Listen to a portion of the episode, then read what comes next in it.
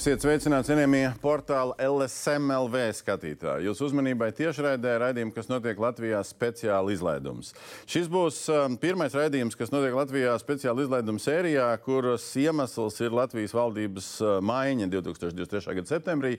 Um, sērijas nosaukums uh, ir un būs Kas jādara Eviks Siliņas valdībai.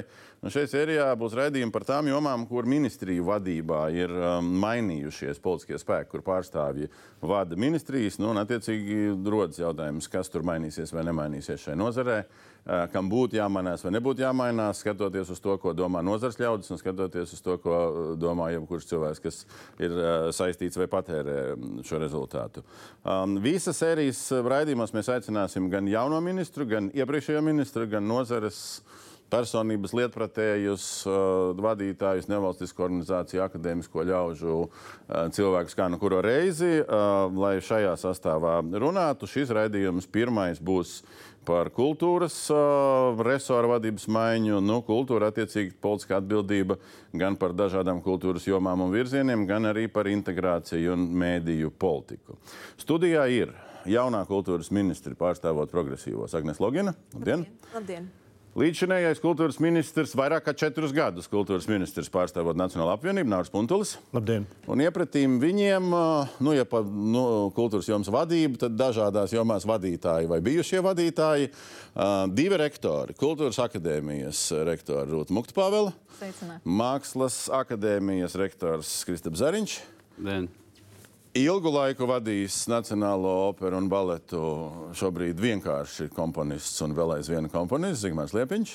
Vien. Un uh, cilvēks, kas zināms gan kā žurnālists, gan kā, gan kā komponists, bet uh, Es nezinu, pašvaldību birokrāts tagad drusku iznāk, amatpersona. bet no uh, pašvaldību amatpersona. Uh, Smiltenē vadījis kultūras uh, namu, tagad jau Tagad jau kultūras un turisma pārvaldē visas kultūras jomas vadītājs novadā Edgars Raginskis. Labdien! Sveicien. Es gribētu sākt, dāmas un kungi, ar to, ka nu, nomainoties uh, Nacionālās apvienības vadībai pret um, progresīvajiem, nu, faktiski jau uh, nu, 14. saimnes vēlēšanu rezultātā bija runas par to, cik tālu ir šie spēki viens no otra ideoloģiski. Nu, tagad tas atgriezās jautājums jaunas par saistībā ar kultūras jomu, vairāk tika pieminēts mediju jomā, tika pieminēts integrācijas jomā. Ideoloģiskās atšķirības idejiskās, programmatiskās atšķirības. Kā jūs katrs redzat, kas tad ir tas atšķirīgais, ja saliek blakām uz kultūras jomas un kultūras ministrijas skalas vai ainas, ar ko atšķirās idejiski vai ideoloģiski progresīvie un nacionāla apvienība primāri? Nu, kultūras jomā vispirms.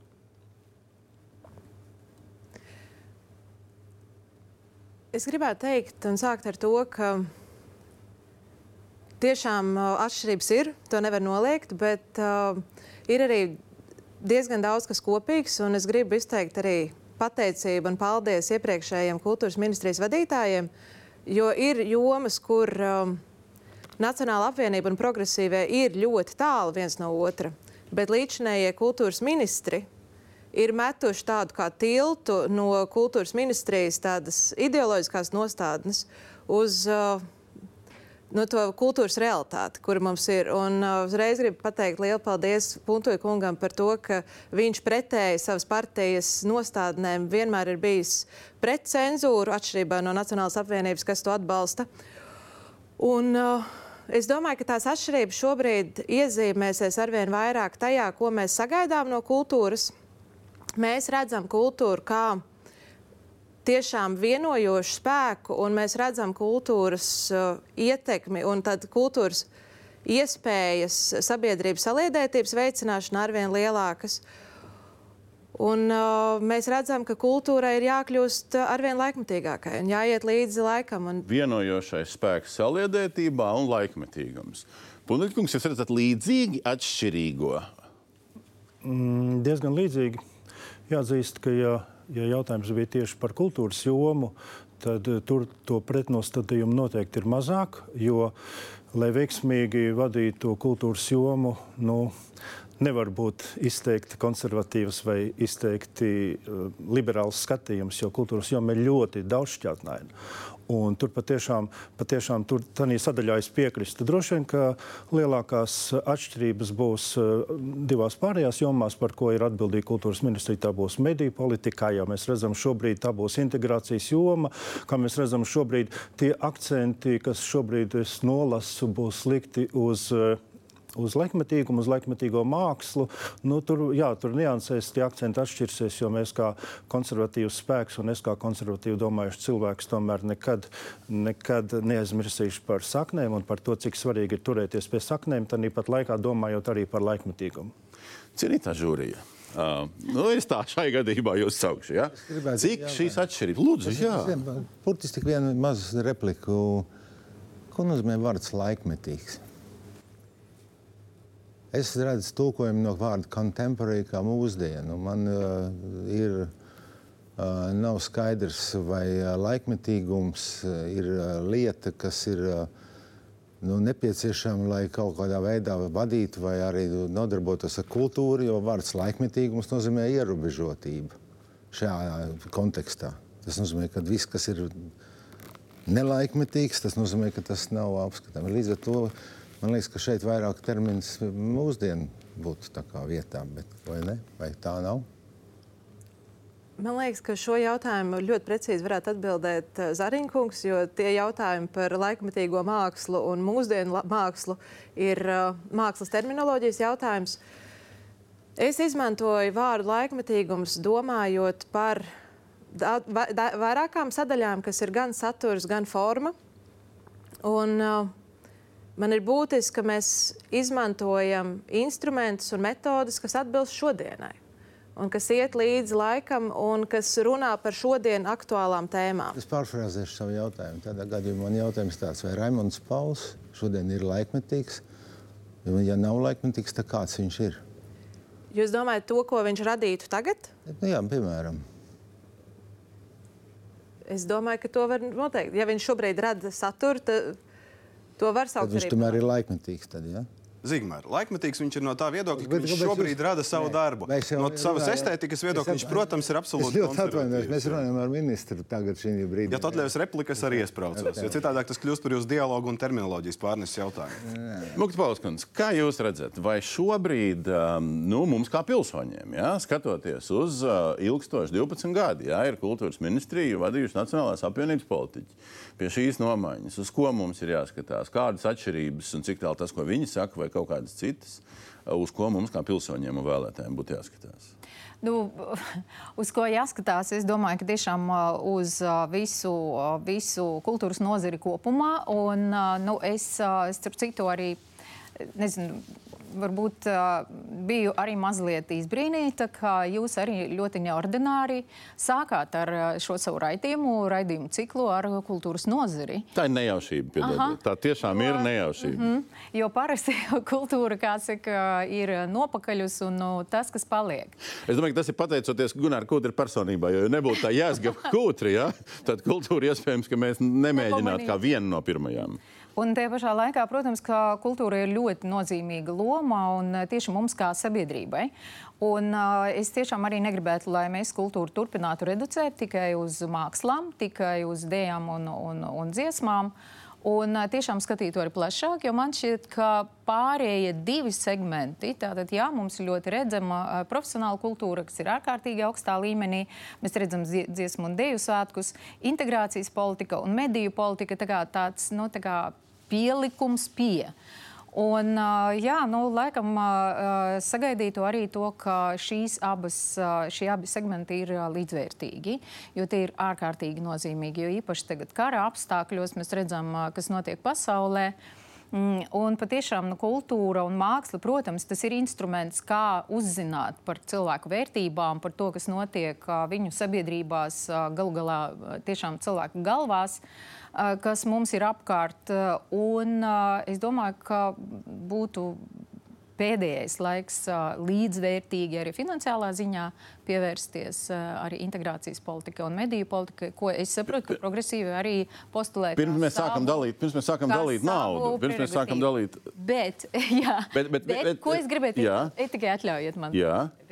Ka, protams, nav iespējams arī skatīties gan uz laikmetīgumu, gan uz mūsdienām. Ja mēs nolieksim arī, protams, savas saknes, to, ko bijušais ministrs jau iezīmē, vai ne, tāda tā kontinuitāte, tas ir tas galvenais, kas padara mūs par, par nu, kaut kādiem savdabīgiem, par, par Latviju kā tādu nevis uh, tādu bezsējainu. Jā, bet vienā no neseniem, nesen, pavisam neseniem izteikumiem jūs teicāt saistībā ar kultūras jomu un ar kultūras politiku, ka mēs esam iestrēguši Cicerona laikmetā. Tieši nu, tā. Paturpinam šo domu, jo tas būtībā zīmējas arī uz bijušā uh, ministra darbības periodu. Faktiski uz visas sabiedrības attieksmi. Nu, kur mēs esam iestrēguši, lai mēs saprastu? Mm.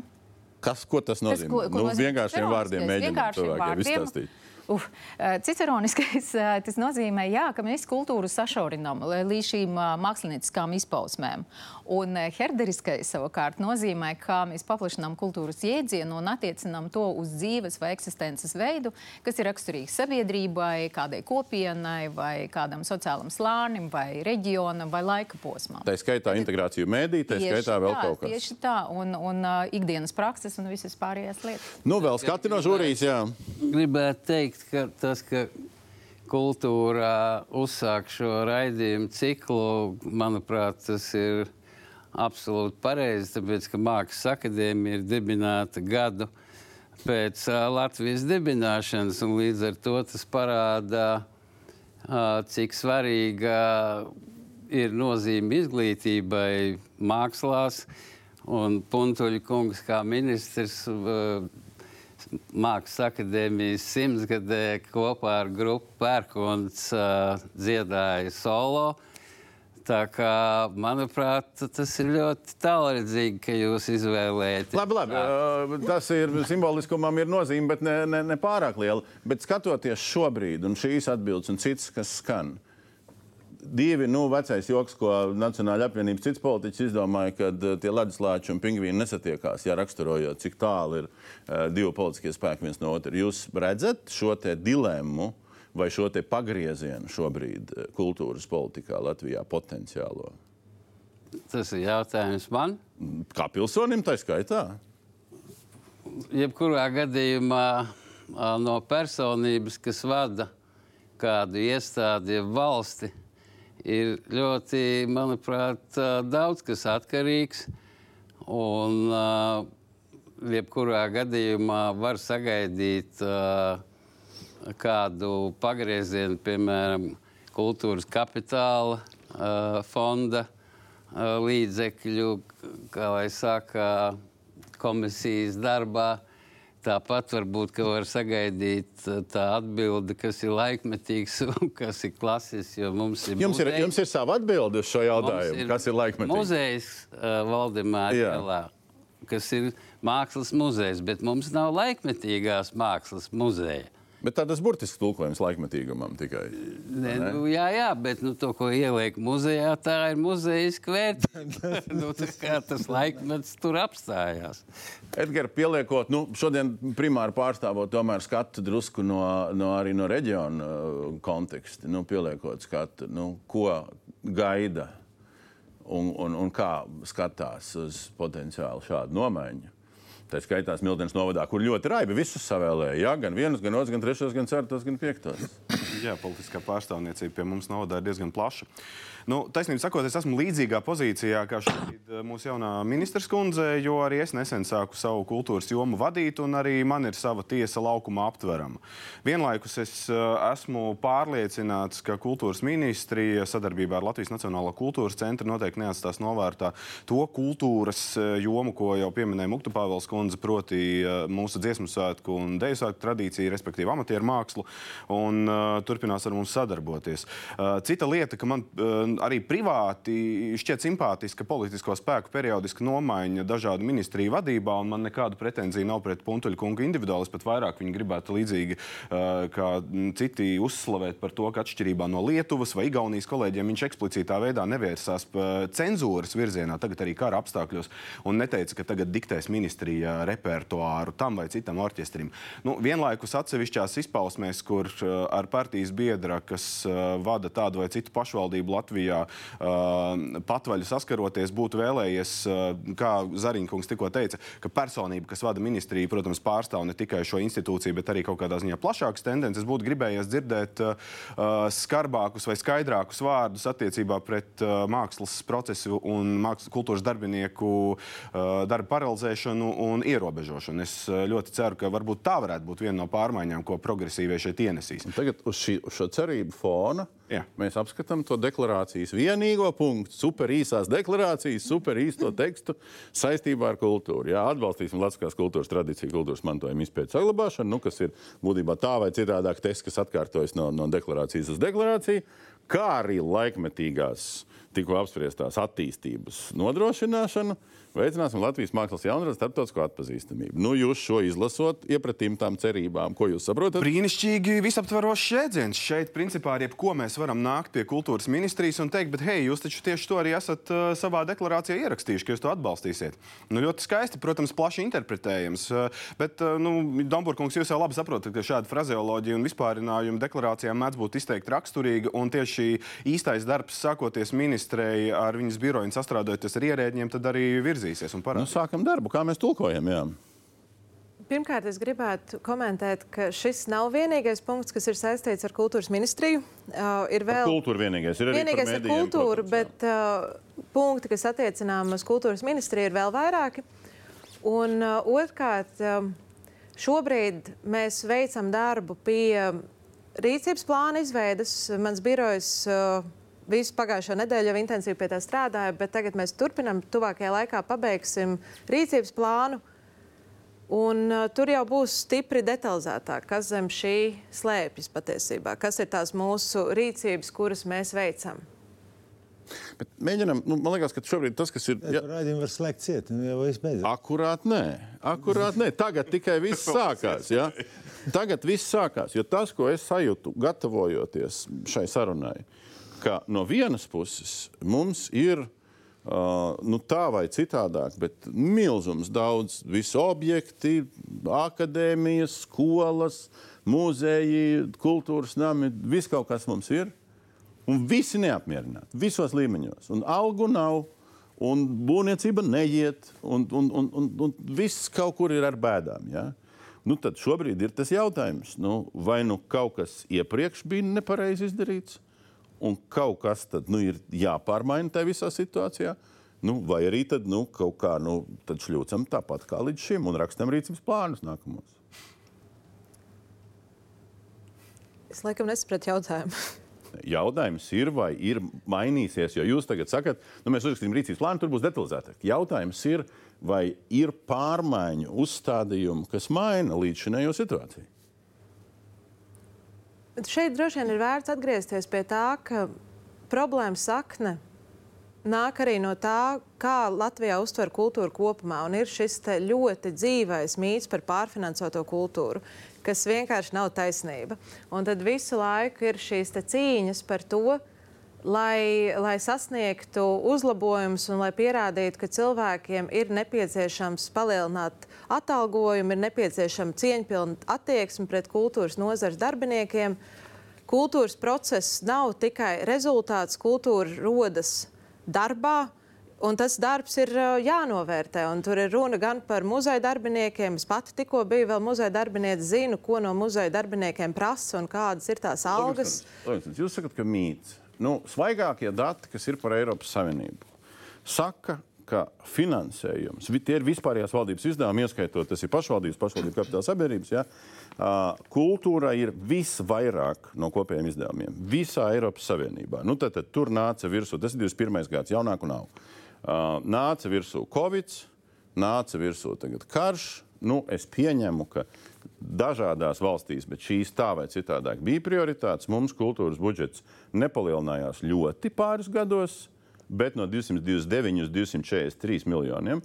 Tātad gandrīz ceturdaļa miljards mums viņš ir. Nu, tas nozīmē, ka tas apjoms nav būtiski nokritis. Um, šeit ir vairākas lietas, uzreiz, uz kurām es gribu vērst uzmanību. Pirmkārt, ja jūs paskatāties uz to topa sākumu, tās ir valstis, kas ir mazas valstis. Jo šeit ir tā specifika, ka mazām valstīm vienmēr būs jāinvestē vairāk savas identitātes uzturēšanā. Es to mītu neredzu. Kur te mīts? Nu, šeit ir eh, pirmkārt gan stāsts par, eh, par pašvaldību budžetu, kas iet arī iekšā šajos eh, vispārējos jā, jā, izdevumos. Bet otrs ir tas, ka ja mēs gribam būt neatkarīga valsts ar savu valodu, savu kultūru, savu identitāti, tas viss maksā. Tas maksā reāli naudu. Cilvēkiem pie tā ir jāstrādā, lai uzturētu uh, latviešu valodas nākotni, lai uzturētu Latvijas kultūras nākotni. Kā jūs, katrs, protams, no savas skatu toņa skatoties uz to procesu? Bet, nu, mēs šodien speciāli vēl, vēlreiz vēlreiz izgājām cauri. Un Punduļa kungs vēl vasarā bija iesniedzis pieteikums uz tur atalgojumu palielinājumiem mūzeju un teātri un tur un tur un tur. Rezultāts ir piešķīrt daudz mazāk. Rezultāts ir tā, tas, ka muziķi un kas tik neraksta protestus. Ja? Un visur uh, algas nu, segmentos ir stipri zem vidējām. Plus vēl mums ir pieminētās būvis, ja, un plus vēl mums ir vēl kaut kas. Kā jūs redzat šo situāciju, ka mums it kā viss ir, bet visam naudas trūkst? Un neizskatās, ka kara situācijā mums būs vairāk naudas no budžeta, ko iedot kultūrai. Man liekas, ka es atceros kaut kādas uh, sarunas jau gadiem atpakaļ. Tas, kādā veidā šis budžets ir saskaitīts, īstenībā iekļāva sevī dažādu telpu un māju finansējums. Un, būtībā, tas, ir, tas ir kā saskaitīt, jo tā ir grāmatvedības lieta elementāri. Var saskaitīt tā, un var saskaitīt šitā. Es domāju, ka te nav ierēķināta tajā visā iekšā, ir ierēķināta izdevuma. es zinu, ka tur savā laikā vēl gāja no Nacionālās bibliotekas problēmas, vilkās līdzi, kas palielināja šo budžetu. To, kas skaitās, kas ir nozīmēs kultūrai. Līdz ar to tas ir tikai skaitīšanas jautājums. Var saskaitīt arī tā, ka tas tā nemaz nav. Bet, bet kā saskaitīt? Nu, nu, nu, muziķi ir zem vidējām algām, grib braukt prom, aktieri nevarēs braukt ar zem vidējām. Tas pats par sevi skaidrs, bet tāpēc, kad visu laiku tiek nogriezts no tā, tā, tā augšējā strīpiņa, kas tur ir pār, kas iet pāri pa malu, tur pāri, ja, tajā ir ieskaitīts citi izdevumi kas neatiecās uz tiem muzeķiem. Tad, ja tā būtu visa tā muzeķa algas un viss pārējās lietas, tas ir tas gadījums, kad eh, kultūra vienmēr. Nu, atceroties vecus, senus, senus laikus, kad stāvēja viss ministrs rindā, tad pēdējais stāvēja kultūras ministrs un maziņš tāds kalpušs kādreiz bija. Ja? Un, uh, un viņš bija pēdējais rindā vēl veselības ministrs. Ja? Un pārējie visi lielie stāvi. Nu, tad pārāk senus laiks, Liepiņkungs, jūs atcerat. Jā, bet tā ideja nav mainījusies, tāpēc, kad uz atlikumu. Uh, jo pirmais, no kā var nogriezt nosaka kultūru. Un tāpēc es domāju, ka šeit ir galvenais jautājums, vai partija, ko pārstāv jaunā ministra šī gadījumā, varēs iegūt no citas partijas, kas, kas pārstāv finanšu ministriju. Ja? Tos līdzekļus, vai viņi ir vienojušies vai nav. Tas ir tas jautājums, par ko jāuzdod. Es nezinu, vai Kultūras akadēmijā kāds pēta šo struktūrāli šādas lietas, bet vai šis ceturdaļa miljards, nu izstāsta, ka nākamgad budžets varbūt pat bišķi būs pāri ceturdaļa miljardam. Tad eh, tiešām tātad tur ir, tur ir būvniecība, tur ir amatiermākslas kustība, Precīzi. tur ir kultūra izglītība. Tādas lietas, kas citās valstīs atrodas Citā, citu ministriju pakļautībā.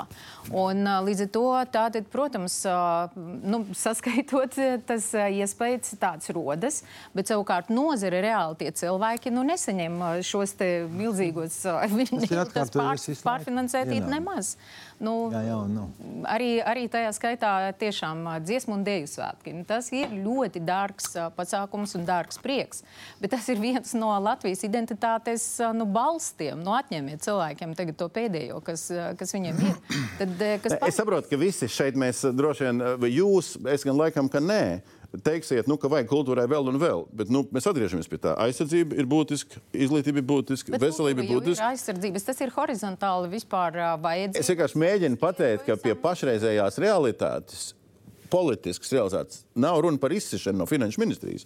Ir runa par to, ka vairāk iedot kultūrai situācijā, kur vēl citām nozarēm vajag vairāk. No objektīvi nevar. Vai jūs nepiekrītat tam? Es absolūti nepiekrītu tam. Jo? Uh, Es negribu nekādā veidā nonākt konfrontācijā jau tajā pirmajā periodā ar, ar jauno ministri. Un es, es ticu, ka ministri ir, ir cīnījusies un darījusi to, lai tas budžets būtu. Bet eh, es to teikšu arī rīt parīt kultūras komisijā, ka mēs tiksimies, un es to pateikšu arī tagad šobrīd ēterā. Šīs kultūras ministrijas budžets 24. gadam, es to sauktu par neizmantotās iespējas budžetu. Jo? Jo, ja mēs runājam reāli politiski, tad eh, pirmais gads, kurā stājas ministrs savā amatā, ir tas, kur ministram viņa politiskais spēks iedod platformu, uz kā ministram dzīvot. Un šis budžets, Kamēr Logins kundze, vien jūs būsiet kultūras ministra amatā, jums būs jāklausās mīts par pārfinansēto kultūru, jums būs jāklausās tas, ka viss cits ir prioritāte, nevis kultūra. Bet šīs, šī gada budžets bija jūsu lielā iespēja, piedodiet, ko jūs neizmantojāt līdz galam. Jo tas, ka vienmēr cits būs prioritāte, tas jūs sagaidat visu atlikušo periodu jūsu ministra darbā. Šīs atalgojuma pieaugums, kāds bija nepieciešams šogad, tas bija jāpanāk, un jūs ar partijas atbalstu to būtu varējis panākt. Jā, nu, nevar piekrist Puntuļkungam. Iepazinos arī ar pieprasījumiem, kas bija veikti no ministrijas puses, kur bija solīts mūziķiem summas, kas vienkārši nav iespējams. Grozēs, kā gribi, no tās summas, kas bija pavasarī piesolīts 25% pieaugums, nu tas, tas nav iespējams. Bet šī valdība arī nāk ar pilnīgi citu pieeju budžetam, budžeta veidošanai. Es atgādināšu, ka veidojot jauno koalīciju, uh, valdību veidojušās partijas vienojās par to, ka ir trīs lielās prioritātes, par kurām vienojas jau koalīcijas veidošanas procesā. Tā ir veselība, tā ir izglītība un tā ir aizsardzība. Un tās ir visu kopējās prioritātes, kas, protams, samazina tālāko iespēju zin, nu, manevriem tālāk. Bet šāda pieeja ir godīgāka, jo es atgādināšu, ka vēl pirms dažiem mēnešiem kultūras ministrijai nācās savā budžetā meklēt uh, meklēt līdzekļus, kurus novirzīt veselībai. Ir labāk, ka mēs visas to izdarām tagad. Meklēja, nevis kultūras ministrijas, visas meklēja. Un līdz ar to ir tomēr pieaugušāk šo summu sameklēt jau sākumā, nevis gada vidū meklēt uh, ministriju budžetos iztrūkstošo veselībai. Bet tas jautājums ir nu, vienkārši. Kā jūs šobrīd redzat? Punteļkungs jums pārmet, ka uh, iepratīm tiem prasījumiem, ko vasarā viņš iesniedz finanšu ministrijā, jūs neizsitāt, nu, tautas valodā runājot, uh, neizsitāt uh, tik daudz, cik vajadzētu. Nu, rezultāts prioritāros pasākumos ir uh, daži miljoni tikai piešķīrumos, piecās pozīcijās. Ja? Jūs tad sakat, ka vairāk nevarēja. Es saku, ka ir jābūt arī cieņpilnai attieksmei pret nozari, tādā ziņā, ka nedrīkst nozarei solīt gaisa pilis. Un uh, šajā brīdī nu, es redzēju tos pieprasījumus. Es zinu, kā. Es zinu, Kur bija gaisa pils? Iedodiet kādu gaisa pils. 25% pieaugums uh, mūziķiem. Cik tas ir absolūtās? 4,7 miljoni. Hmm. Tikai mūziķiem. Nu, mēs to iesniedzām, protams, bet situācijā, kurā arī valsts pārvaldē ir ielikās, pieeja, ka, ka palielinājums ir 6-10% ietveros. Nu, to arī noērētu tādu solidaritāti. Bet tad jūs gribat teikt, ka eh, nu, piesauksim tos muzeķus. Viņi tagad, tas ir tas paziņojums, kas pirms dažām dienām bija profesionālā muzeķu asociācija. Ja? kas teica, ka tas ir ilgtermiņā risks, ka brauc, brauc prom un brauks projām, jo alga būtiski uh, samazināta. Jūs sakat, ka 25% palielināt kādam alga ir gaismas pils. Gaisa pils. Ga, gaisa pils, piedošana. Bet, uh, tas, varbūt tas bija, varbūt tas bija, tā bija laba jā, tā bija pārteikšana. Jā, jā, varbūt ka laba. Jā. Uh, Es nesaku, ka tas nav vajadzīgs. Es saku, ka šajā brīdī veikt tādus solījumus bez konkrētas sarunas ar Finanšu ministriju, kur jau iezīmē tādu veidu lēcienu, kas ir atšķirīgs no pārējās pārējām, pārējās situācijas valsts pārvaldē. Nu, tas ir. Uh, Nu, kas ir kas nav politisks gājiens? Kas ir kas nav gaisa? Uh, ko var, ko nevar? Es atbildēšu pavisam vienkārši. Ik viens kultūras nozarē manu darbu četri, vairāk kā četru gadu garumā ir redzējis, un neviens nepiekritīs jums, ka es esmu kādam ko solījis, ka tas tā būs. Es esmu solījis vienmēr cīnīties par kaut ko, bet es nekad neesmu solījis, ka es to noteikti panākšu. Es esmu teicis, es darīšu visu, lai tas tā būtu. Tā ir pirmā lieta, ko es labotu. Un otrā lieta, runāsim skaitļu valodā. Mans, kā Dombūrkungs teica, izsistais budžets šo četru gadu laikā kultūras nozarei nekad nav bijis tik mazs, kā tas ir šobrīd. Un tā ir papildinājuma. Nu, šeit var acīm, acīm redzami just, ka Logins kundze ir no citas uh, nozares kultūras jomā. Uh, mūziķu, profesionālo mūziķu atalgojums Latvijā vienmēr ir bijis katastrofāli un necieņpilni zems, kas ir radījis ļoti īpatnēju situāciju, kad mūsu kultūras un mūzikas izglītības sistēma rada brīnišķīgus Eiropas un pasaules mēroga profesionāļus, kuriem pēc tam nav ne mazākās iespējas savu profesionālismu cieņpilnā veidā realizēt savā valstī, un viņi brauc prom. Labā ziņa ir tā, ka mums ir Berlīnas filharmonija Jaunģos pirmā viola Vineta Sareika, un tur spēlē arī Gunārs Upatnieks. Labā ziņa ir tā, ka mūsu mākslinieki ir mācību spēki Eiropas un pasaules vadošajās augstskolās, bet mēs paši, diemžēl, nevaram atļauties savu kultūras uh, piedāvājumu šādā veidā baudīt. Vēl mazliet atpakaļ par jūsu piesaukto to tabulu un pārfinansēto kultūru. Mēs labi zinām, ka tas, tas bija kopējais apjoms. Mukta Pāvils kundze un arī Zigmars uh, stāstīja par to, ka tas ir viss kopā. Ja mēs jā, jā. Nu, pēc citas metodoloģijas vai detalizētāk pē- pētītu šo situāciju, mēs saprastu, ka kopumā sadalot pa segmentiem kultūrai paredzētais finansējums vienalga ir ārkārtīgi zems. Es saprotu, ka kara apstākļos ir ļoti grūti pārtrumpot aizsardzību, veselību, sociālo jomu un, un, to pat, un izglītību. Un tas pat nav arī uh, iespējams. Bet tajā pašā laikā mums vienkārši ir, uh, kā Mukta Pāvils kundze, mazliet jāmaina sava izpratne par kultūru kā jēdzienu. Kultūra nav reprezentatīva parādes funkcija ballēs vai uh, kaut kādos citos saviesīgos pasākumos. Kultūra ir viens no mūsu mazās nācijas, politiskās nācijas stūrakmeņiem. Kultūra nozīmē to, ka mums būs nākamie Gidoni Krēmeri, Daniela Bulājevi, uh, Mišas Maiski, Mihaila Barišņikovi, uh, kuri mūs reprezentēs pasaulē. Bet, un tā būs arī tikai tā uh, virsotne. Un no, šīs, un no šīs vietas tagad viens svarīgs, man, man liekas, ka svarīgs jautājums. Mēs te paņēmām no kultūras ministrijas nu, viņu pašu viens no slaidiem. Ja? Ko viņi nosaukuši par kultūras ministrijas saimniecību. Tagad, tur, kur tie cilvēciņi, tur ir muzejos strādājošo, un bibliotekās un teātros strādājošo skaits.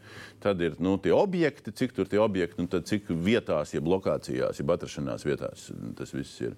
Nu, Raiba nav jēgas tur iedziļināties, varbūt tur vienā vai otrā vai konkrētā skaitlī, bet kopumā mēs redzam, ka 4,5 gandrīz tūkstoši cilvēku un 43 objekti. Tas jau vēl ir neskaitot vēl visādas citādas lietas un, un, un, un, un tam līdzīgas lietas. Un tas jautājums ir, vai, vai krēmeri un, un, un, un jebkas cits un maiski un viss pārējais vislabāk aug caur šo visu struktūru un veidojās. Tā skaitā ar vienu vai otru augstskolu. Vai arī tam nav tiešas saiknes starp šo saimniecību, kas saucās saimniecība, un starp to izcilību? Jo tas, kas tika piesaukts, ir tā izcilība. Ir kādam kāds domas par šo? Nu, tā ir esošā sistēma. Es šodien runāju ar vienu cilvēku no rīta. Viņš teica, nu, paklau, nu, varbūt, kad uh, vajag kaut kāds dažs muzejs aizklapēt ciet un pārējos palielināt algas. Spoži ideja. Liecina par labu kultūras jomas izpratni. Papā, bet, nu, bet, bet visu ir kā stāv. Trūkumu. Nav, e, labi, es minēju sliktu piemēru ar izcilībām. Sliktu tādā ziņā, ka tas kaut kā to atrauj no pārējās sabiedrības. Bet kultūra ir visas mūsu sabiedrības, mūsu daudznacionālās, sociāli daudzslāņainās sabiedrības viens no vienojošajiem elementiem. Un kultūra nav domāta dažiem tur kaut kur nezināmā galā. Tā ir domāta pilnīgi katram sabiedrības loceklim. Atvaino, Jā, nu, izcilība arī, starp citu, nerodas tukšā vietā, un kritiskā masa arī ir nepieciešama, lai rastos šīs izcilības. Protams, ā, tas, ko mēs varētu varbūt arī fokusēties uz izcilībām, attīstīt arī ā, kaut kādas mecenātisma tradīcijas, kā tas ir ā, bagātajās labklājības valstīs. Ir arī citi ceļi, privātais finansējums, ko arī, starp citu, arī mēģinājuši Galdāts Mel Melbārdes kundze, gan arī uh, Nauris Puntulis, vai ne, nu, nu, piesaistīt, vai ne, bet, uh, nu, uh, Mēs atdurāmies vienmēr par to, ka, ka esam nabadzīga valsts un arī, arī ļoti, starp citu, arī šo pozīciju mēs ļoti mēdzam kultivēt un, un visu laiku sūkstīties. Jā. Bet tajā pašā laikā, jā, nu, es, es tikai nepiekrītu, es piekrītu Edgaram savā ziņā par to, ka jā, mūziķi tur tiešām ir nobadināti, bet tā nozare, no, ka, no kuras nāk ministre, nu, tā ir muze, muzeja nozare, kas, es nezinu, vai viņi ir pārfinansēti, vai viņi jūtās tiešām tur tagad plaukstoši un neskaita katru kapīciņu, bet, nu, var sakot, vai vajadzētu varbūt tiešām klapēt dažus muzejus, tad pasakiet, ko tas, ko tas nozīmē. Jā, bet, jā, bet ir viens jautājums par, par, par finansējumu. Ja jūs runājat, jā, tad es atceros, ka kaut kādu laiku atpakaļ tika nogriezts. Tur bija sponsoriem un tā saucamiem mecenātiem bija likumdošana piemērota vairāk. Jā. Kas, kas nu, teiksim, tā provocēja vai teiksim, iespēja, virzīja not, tam notikt. Nodokļu jā. atlaides. Nodokļu atlaides, kas tomēr kaut kādā veidā veicināja tās lietas. Tad, tad šī brīdī jautājums arī ministrē, vai tagad kaut kas ir plānā domāt par to, lai kaut kādā veidā ietekmētu visu to partiju sistēmu un, un koalīciju, lai likumdošana sakārto tādā veidā, ka tomēr tas ieinteresētu šos turīgos uzņēmumus. Mm -hmm. Tur bija Latvijas mēžā aizliegumi, cik es atceros. Un... Jā, jā, jā. Bet, nu, tad ir divi jautājumi. Kā, kā šai saimniecībā kaut ko mainīt esošajā valsts resursu saimniecībā? Nu, un tas, kas te ir, tad jautājums ir par papildus resursu no, no privātā sektora. Jā, es sākšu ar to, ka kādam par kultūru ir jāmaksā. Ja valsts uh, nevēlas palielināt savu daļu tajā, ka palielina tātad. Uh, dotāciju. Un, ja mēs, nevar, nu, ja mēs negribam arī, lai, lai kultūra kļūst nepieejama, tad mums vajag atrast citus veidus, kā iesaistīt uh, vairāk cilvēkus, kas var maksāt par to. Nu, kas, un mecenātisms ir viens no tiem variantiem. Un, uh, šobrīd uh, tā ir viena no tēmām, noteikti, pie kuras es vēlos atgriezties. Jūs redzat, un... ka Latvijas biznesa seksošās inflācijas apstākļos būs baigi gatavs mesties iekšā ar milzīgu lielu. Nē, bet tāpēc jādod ir iest. Nu. Nu, Interesē. Jā, tur jā, tas ir par instrumentu. Jā, par, kādi bija, bet šobrīd nav. Bet uh, par runājot par saimniecību, tas, kas mums šeit uh, nav uz ekrāna, ir, uh, protams, tas viss, kas ir pašvaldību daļa un kas ir. Nu, tā neno, caur iestādēm nenosaka tā daļa, kas ir dažādi pašnodarbinātie kultūras cilvēki, kas arī ir kultūras nozara, kas pārsvarā saņem finansējumu caur kultūra kapitāla fondu, caur dažādiem Eiropas projektiem, arī dzen, caur citiem finanšu instrumentiem. Kopumā mums kultūra tiešām ir daudzveidīga un daudzšķautņaina. Un, uh, es ļoti gribētu, ka mēs ejam prom no fokusa uz izcilībām, tajā ziņā, ka izcilības ir brīnišķīgi, ka mums tas ir, bet mums ir, jāve, mums ir arī jāceļ tas. Um, nu, vidējais līmenis. Un jāsaka, ka Latvijā cilvēki bauda kultūru, un viņus tas interesē. Man liekas, ļoti interesanti. Ko, ko ministre darīs citādu, ja ir šāds fokus jāmaina? Es redzu, ka mums ir daudz vairāk arī jāsadarbojas ar pašvaldībām, arī ar, ar nevalstisko sektoru. Nu, lai... Ko tieši jau sadarbojas, taču tā kā bišķiņi. Nu, bišķiņi, bet vienmēr var labāk un vienmēr var uzlabot procesu. Bet tas, ko es vēl gribēju pieminēt par šo, ir ļoti interesants fakts par kultūra izglītību, ko es nesen uzzināju, ka augstākie centralizēto eksāmenu rezultāti ir uh, skolās ar, uh, ar uh, profesionālu jā, ar mākslas novirzienu. Viņiem, uh, kas parāda to, ka tajā brīdī, kad cilvēks mācās un kļūst spējīgs domāt radoši, uzlabojums no tā ir visās. Logins kundze, nofiksējam to jūsu pozīciju šobrīd. Jūs sakat, ka kaut kam jābūt laikmetīgākam, bet visa esošā saimniecība ir jāatstāj tā, kā viņi stāv. Tikai ja pašvaldībām vairāk jāsadarbojas. Nu, un arī ar nevalstisko sektoru. Un nevalstisko. Bet, Skaidrs? Uh, nē, es domāju, es noteikti es gribu teikt, ka vienmēr ir uzlabojumi, iespējami uzlabojumi. Ja tā ir man... frāze, viņi neko neizsaka. Jautājums konkrēti, vai jūs redzat, ko var pārmainīt? Ja jūs man prasāt, vai kaut ko no šī vajag slēgt? Visu kaut ko viņi var darīt. Viņi var apvienot, viņi var optimizēt. Visu kaut ko tur var darīt. Tātad slēgt.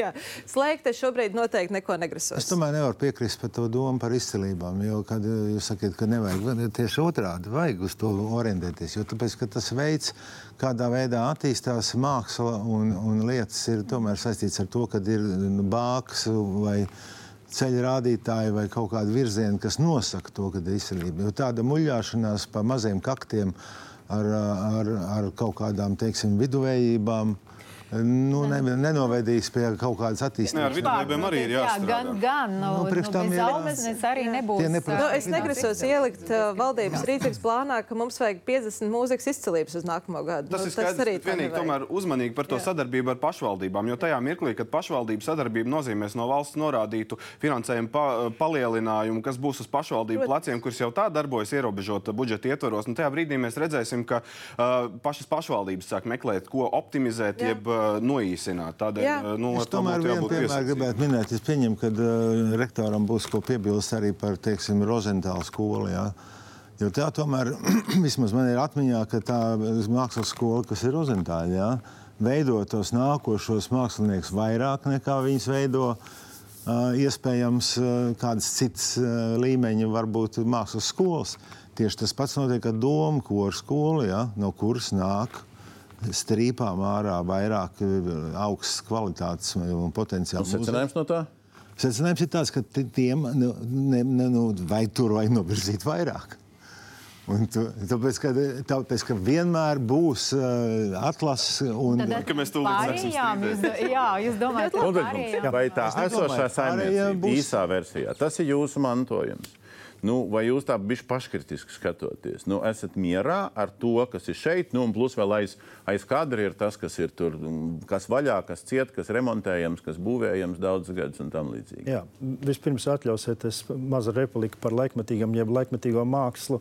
Man šķiet, ka mēs beidzamā laikā publiskā telpā to sašaurinām. Laikmetīgā māksla, tā ir laikmetīgā vizuālā māksla. Jā. Es, es domāju, ka uh, Zigmārs Liepiņš ļoti iebilst, ja, piemēram, viņa lāčplēs, kas šo, šo, šo sezonu tikt atjaunots, nebūtu dēvējams par laikmetīgo mākslu. Un tam līdzīgi nesašaurinām to līdz vizuālajai laikam. Bet tā, atgriežoties pie šī, es atkal runāšu par saknēm.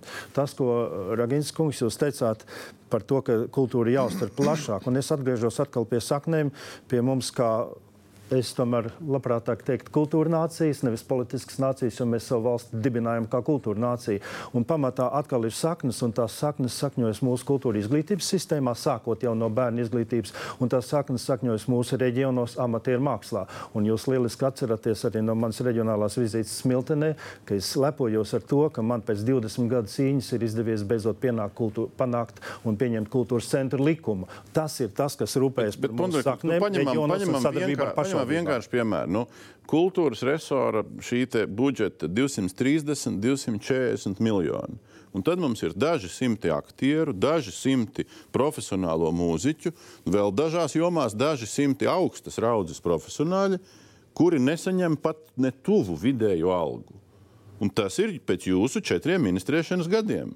Nu, kaut kas nav kārtībā. Ne? Ja jūs pavaicātu profesionāliem mūziķiem, tad pirmo jūtamo algu pielikumu viņi, viņi sajūta pirmajā manas ministrēšanas gadā. Tā te viss ir kārtībā. Ast, nav viss, es neteicu, ka viss ir kārtībā. Te ir 8,3 miljoni. Tas lielais jautājums ir par to, atkal es runāju par saknēm. Eh, Lielais jautājums ir tas, ka 55% no kultūras ministrijas budžeta aiziet kultūra izglītībai. Un te nu gan ir ļoti, ļoti slidens jautājums. Nu, nu, nu, kas par, tur slidens ir? Nu, slidens ir tieši par to, vai mēs strādājam uz šo izcilību, vai mēs strādājam tomēr uz to masveidīgumu. tikai piramīdas augšgals vai Tieši, tieši tā. Un, un tā, tas vienmēr ir diskusija objekts, kur katram no mums būs savs viedoklis. Es aizstāvēšu viedokli par to, ka mums ir jāstrādā uz šo plašāko spektru. Tas tik- izklausījās Logins kundzes piedāvājums, starp citu. Nē, bet Ne es vienmēr esmu teicis, jo, jo, jo tik skaitliski mazā valstī tieši šeit mēs jau nonākam pie tām izcilībām. Ja mums ir plaša kultūra izglītības sistēma, es vienmēr iestāšos par to, ka šīs izglītība ir jāsaglabā tikpat plaša, jo mums ir jā, caur to mēs veidojamies kā kultūra nācija, caur to mēs veidojamies arī tikai, ne tikai kā izcils izpildītājs, bet arī kā klausītājs. Ļaujiet pagriezt visu to kuģi kultūru nācijas citā virzienā, bet saglabājot to laikmetīgumu. Vēl aizvien šitā bildīte laikmetīgās mākslas muzeja, tas mets, nu, projekta bildes vizualizācija. Vēl aizvien ir projekts. Nu, es nezinu, mēs esam vienīgie vai gandrīz vienīgie Eiropā, kam, kam nav laikmetīgās mākslas muzeja. Laikam vienīgi. Laikam vienīgie palikuši.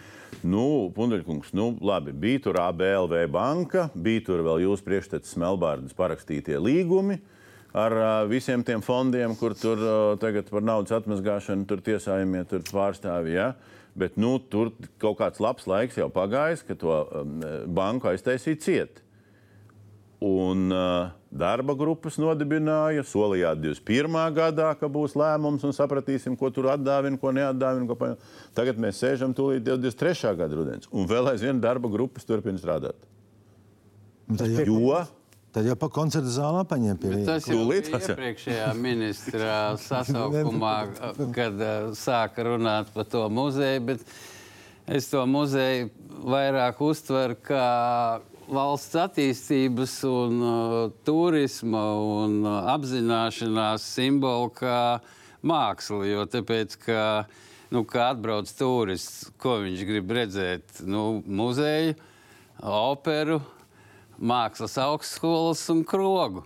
Nu, un, Ļoti izdevies. ā, tāds vispārīgs, tāds jā, vispusējs turists. Jā. Nu, tā es, es to vairāk uztveru kā valsts nu, tādu vienu no uh, brošām.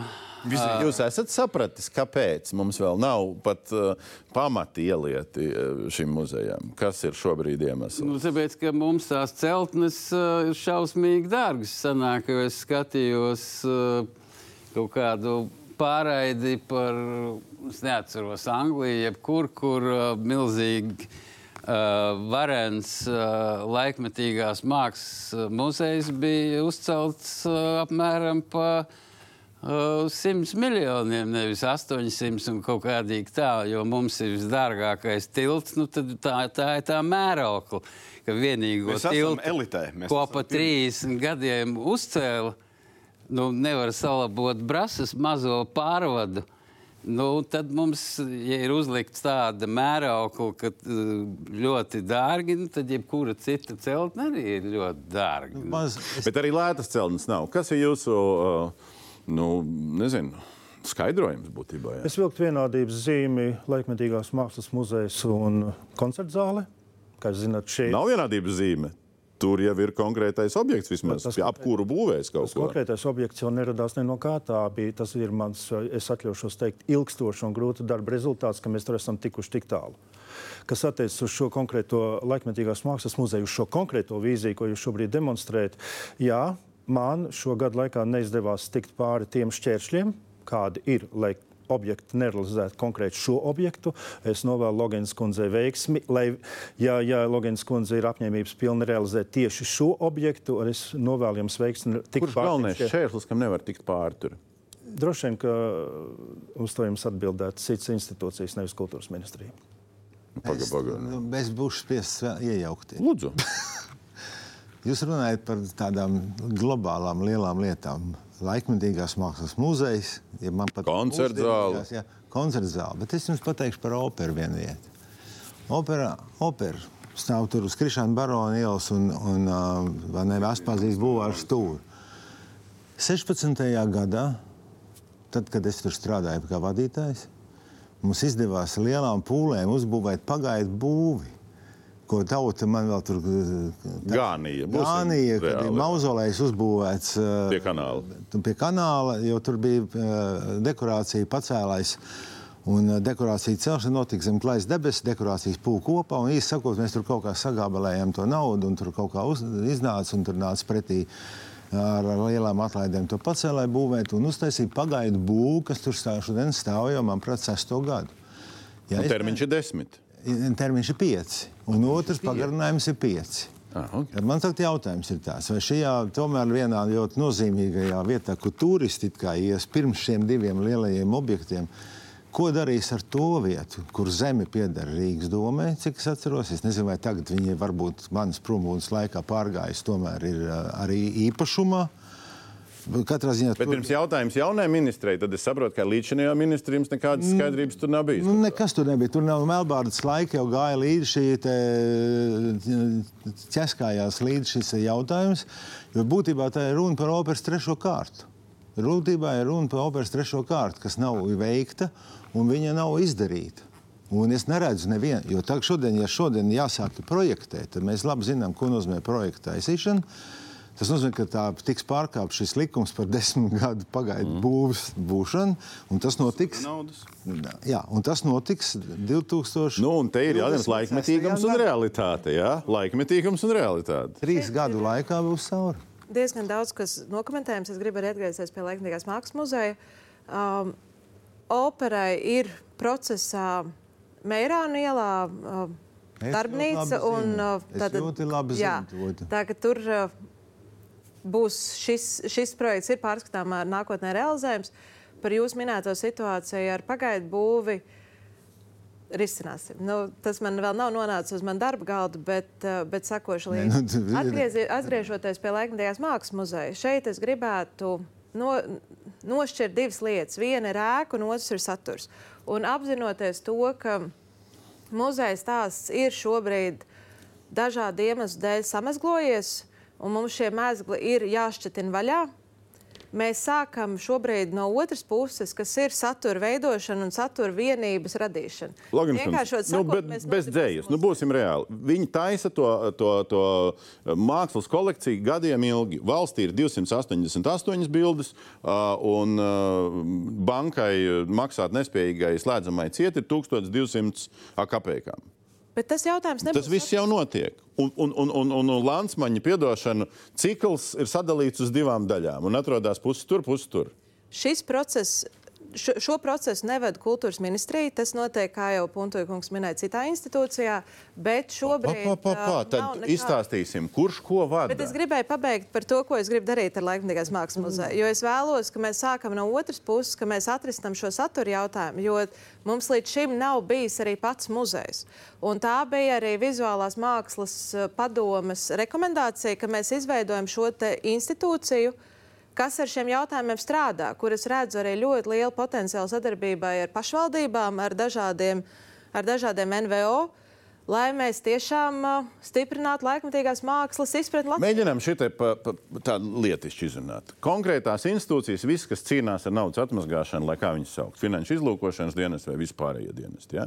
Labi, ja mums ir melnā nauda uh, kolekcijā, ja mums ir melnā nauda, iespējams, melnā nauda projektā, ja mums vēl tur uh, Adžējs kā arhitekts vēl tur sašmucējies, labi. Nu, tad jautājums ir, vai kultūras ministrijai, ja reiz iepriekšējais ministrs nav uh, skaidri lēmumu tā arī uztaisījis, vai ir tad pozīcija?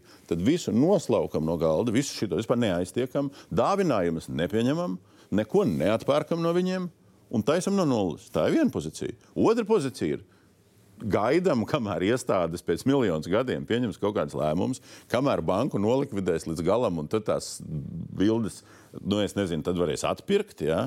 Nu, tās ir divas dažādas versijas. Ko darām? Tā tad, tāpēc es visu laiku saku, ka mēs sākam no tā, ka mēs strādājam ar saturu kas nav mazbūtisks. Mēs strādājam ar saturu. Mums ir, ir tas Melbārdas protokols, viņam ir deviņi gadi, viņš vēl ir zini spēkā. Mēs pārbaudām. Tas, tas visu laiku ir bijis saruna par ēku, par, par, jau, par, par ēku, par atsevišķu tādu vietu, bet uh, muzejs nav tikai ēka. Ko jūs rīt saturs. darīsiet ar saturu? Ko? Nu, kādā ziņā rīt? Jūs sakat, es strādāšu ar saturu. Ko? Nu, Jūs rīt darīsiet. Ko? Mēs veidojam kolekciju, mēs uh, veidojam arī šos iepirkumus, uh, pēc kuriem uh, sauc vizuālās, no, vizuālās mākslas nozare, ka ir nepieciešama arī regulāri valsts veidot jā. iepirkumi. Un glabāsim viņus pie Latvijas mākslas muzeja kaut kur noliktā. Kas jā? ir jau šobrīd arī, kas jā. notiek. Pulka ielā šī kolekcija. Un par ēku nerunāsim cik ilgi kamēr mēs atrisinām šo jautājumu. Bet tā arī nav, ka mēs gaidām. Nenot... Es gribēju pabeigt šo tomēr, jo mēs šonadēļ arī tiekamies ar Vilnu Čirs, Rīgas mēru. Šī ir viena no sarunas tēmām, kur mēs izskatīsim. Jo šajā, šī projekta realizācijā potenciāli ir iesaistīta arī Rīgas doma. Dariņkungs, kā jūs žūrijā vērtējat šīs atbildes? Nu, jānopērk ir milzīga veļas mašīna, kurā visu nomazgā. Bet es, es redzu plašāk pasaules kontekstā. Uh, laikmetīgās mākslas muzejs uh, pilda funkciju, apmaiņas funkciju, kas uh, Latvijas muzejniecībā manā izpratnē ļoti trūkst tiek vestas nozīmīgas kolekcijas pie mums, un mūsu kolekcijas līdz ar to var cerēt, ka tik vestas uz citiem muzejiem, kā tas bija uh, tas uh, Francijā, Orsē muzejā. Uh, Latvijas, Lietuvas un Igaunijas uh, mākslas kopējā izstāde, jo šīs funkcijas katastrofāli pietrūks, lai nonāktu līdz tām, ko jūs minējāt, pasaules slavenībām. Tas var notikt tikai tad, ja Latvija nonāk kartē, kurā rit šo slavenību apmaiņa. Labi, bet mēs kāpēc mēs šobrīd nu, tas, tas mākslas darbus nevedam nekur? Viņi tur mums tur stāv. Te, Tāpēc, ka mums šeit nav kur pretīm paņemt. Nav jau tā Jā. muzeja, kur pretīm izstādīt kaut kādu laikmetīgās uh, mākslas muzeju. Līdz ar to jūs sakat, ka šis darbs ar saturu, ja nav kur izstādīt. Uh... Jā, nu, tas ir tikai daļa no darba. Es gribēju uzreiz papildināt, ka lai, ši, lai, lai Latvijas laikmatīgā māksla turpinātu izcelties uz, uz pasaules kartes, mums vajag cilvēks, kas ar to strādā, kuriem tas ir darbs. Un tāpēc mums ir nepieciešama šī komanda, no. šīs saturs. Bet, uh, bet otrs ir tas, ka, jā, nu, manuprāt, tas, ka arsenāls izstāžu zāle joprojām ir cieta, nu, tas ir ļoti liels zaudējums Latvijai. Bet tur ir arī pozitīvas ziņas. 27. gadā izskatās, ka. Būs... Izskatās, ka. Bet arsenāls, arsenāls ir klasiska vērtība, jo tā ir vienīgā no divām īstā klasicisma ēkām Rīgā. Bet laikmetīgais mākslas muzejs primāri, manuprāt, būs asociācija ar laikmetīgo arhitektūru, kas ir viena no pilsētas uh, zīmēm. Summējot divas lietas. Pirmā lieta pasaules mērogā, vismaz Eiropas mērogā, mēs esam province, mēs esam pilnīgs sunacījums. Uh, paskatoties to, ka jebkurā citā valstī ir laikmatīgās mākslas muzejs, tepat Lietuvā, Igaunijā ir, mums nav. Ok, labi, skaidrs. Uh, signāls uh, no mums ne, neapzināti tiek sūtīts, ka mēs esam province, kas par to neuztraucas un mums tā nav prioritāte. Uztverts. Uh, savukārt, nu, mēs te varam spārdīt vienu ministru, otru ministru, runāt, kāda jums programma, kā jūs tur pa saturu, kā par ēku. Bet atvainojiet, Domburkungs, jūs taču esat labi sekojis politiskiem procesiem pēdējo 20 plus gadu laikā. Kultūras joma nedarbojas izolēti no pārējā ministra kabineta, no pašvaldībām, no, nu, no, no virknes organizāciju. Uh, kultūras ministrija tajā mirklī, kad ir noteikšana, varbūt, ja ir kaut kāda superspēcīga personība, kāda bija Helēna Demokova, kurai bija arī politiska aizmugure, varēja visu kaut ko izsist, uh, dabū noteiktu rezultātu. Bet ārpus tā kultūras ministrs līdzīgi tomēr kontinuāli tāds ceļā, kā Zigmārs to pieminēja no padomju laika un monstru Vladimiru Kaupužu, sēž maliņā un stāv pie ratiem. Uh, jo tajā mirklī, tad, kad finanšu ministrijai ir citas prioritātes, tad kultūra prioritāšu sarakstā nekādā veidā nav. Un tad Punteļa kungs, Loginas kundze, jebkāds cits kungs vai kundze uh, ir diezgan bezspēcīgi kaut ko pavirzīt uz priekšu. Mēs varam būvēt gaisa pilsētu, un tas mums ir absolūti jādara. Mums ir jādomā par kultūras procesu, bet kamēr kultūra tiek uztvērta uh, nu, tādā šaurā mē, nu, mērogā, ka varbūt tas viens jūsu satiktais cilvēks, kurš teica, ka varbūt kaut kādu muzeju vajag nolikvidēt, un tad būs labāka situācija, uh, dominē arī lēmumu pieņēmēju vidē ministra kabinetā un ārpus tā robežām. Tikmēr mēs visu laiku arī cīkstēsimies ar šīm veidzirnavām, ka mums vajag kaut ko, bet tad vajag kaut ko vairāk, tad pavirzām tos priekšu, un kad paies šis noteiktais laiks, tad mēs vēl sadosim pa mizu, teiksim, puntulim, kurš nav kaut ko izdarījis. Tagad, un tagad vēlreiz es atgriezīšos pie tā, pie tā stāsta par tiem 243 miljoniem, kas ir šī gada budžets. Nu, viņus var dažādi izmantot. Viņus var izmantot vienai ēkai, piecām ēkām vai 12 ēkām. Šobrīd darba kārtībā ir 12. Tas iestāžu vai kultūra iestāžu darbinieki, kuriem nebūs algai, kuriem pat ir ne, neķer līdzi inflācija. Jā, un tas jautājums, tas, tas paradoxālākais ir, ka, ka jūs tagad dziļi, manuprāt, uh, mazkulturāli sakat, ka tā izsišana ir svarīga. Ja?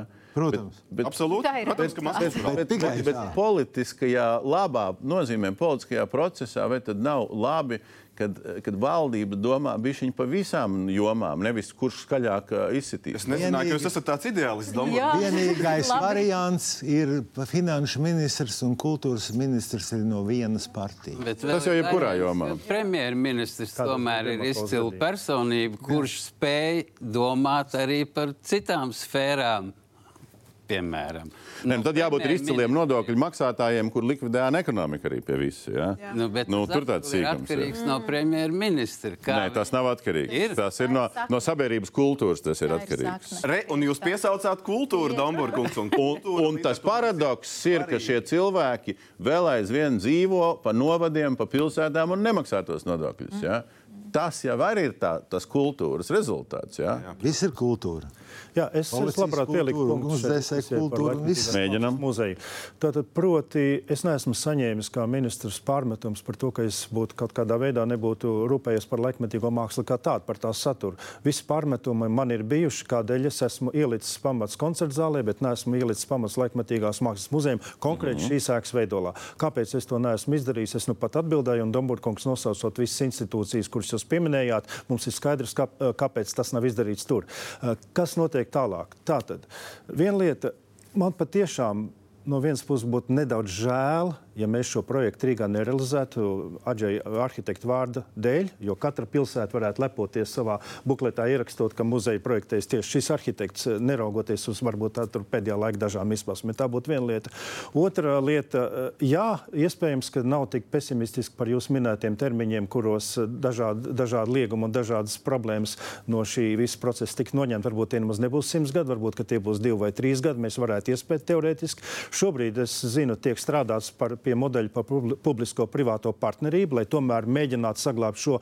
Un treškārt, tas, ko es esmu runājis, ja mēs runājam par saturu un telpu trūkumu, es, man es, ir bijuši ļoti nopietni sarunas ar Juri Žagaru, un es pilnīgi pieļauju, ka šīs laikmetīgās mākslas eh, centrs šobrīd varētu būt sesijas kamēr mums nav pašiem šīs ēkas, un, un tā nemaz nebūtu, manuprāt, slikta ideja. Šāds mantojums ir pieņemts un potenciāli tiks turpināts. Uh, Par cēsīm? Par visu, ko tikko noskaitīja Punteļkungs. Jā, es gribu teikt to, ka es arī jau laikā, kad biju Rīgas domē, mēs ļoti daudz sākām darbu pie laikmatīgās kultūras, laikmatīgās mākslas. uh, stiprināšanas un izrādīšanas pilsētvidē.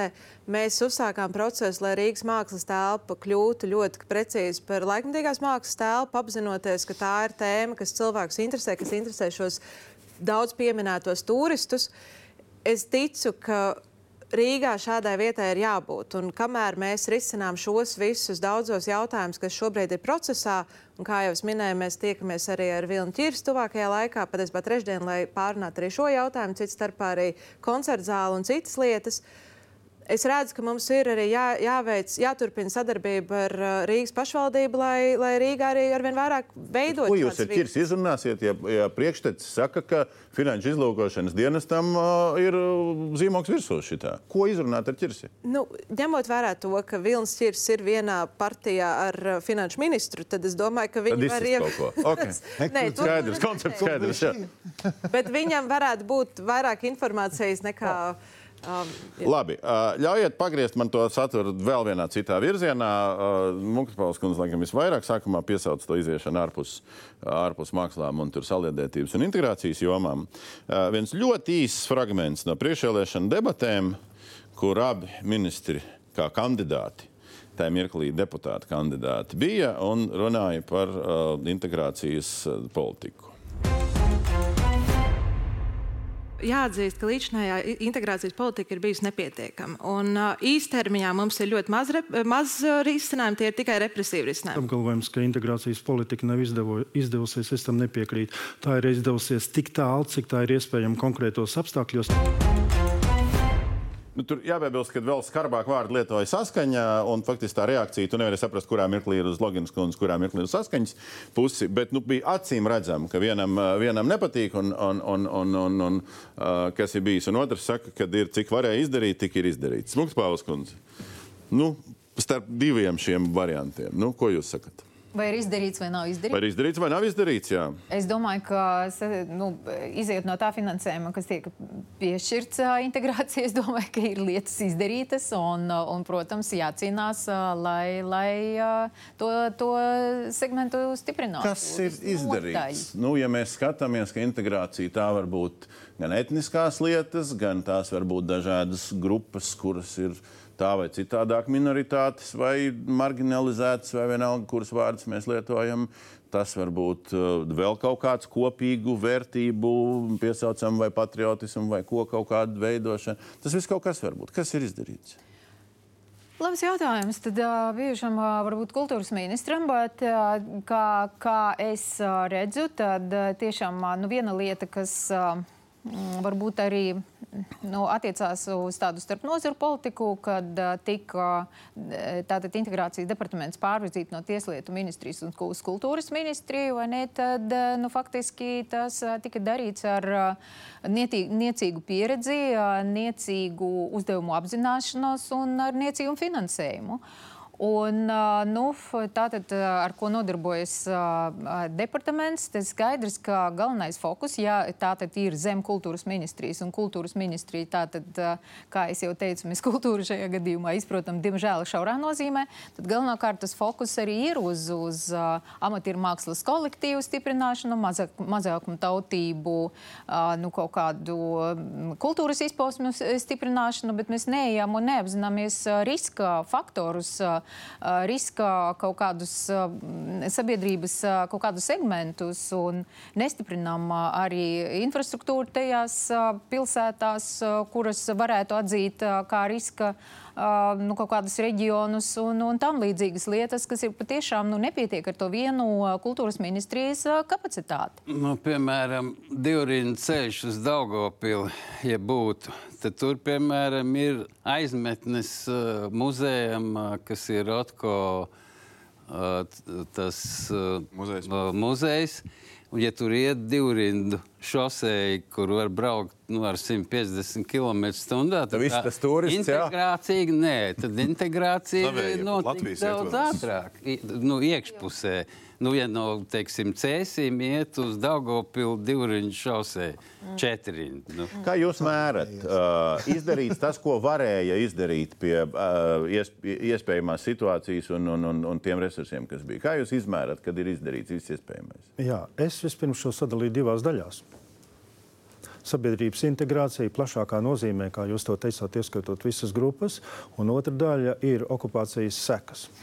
Ja, ir, ja mēs eh, kā mērķi un kā uzdevumu virzām okupācijas seku likvidēšanu, protams, tas nav izdevies.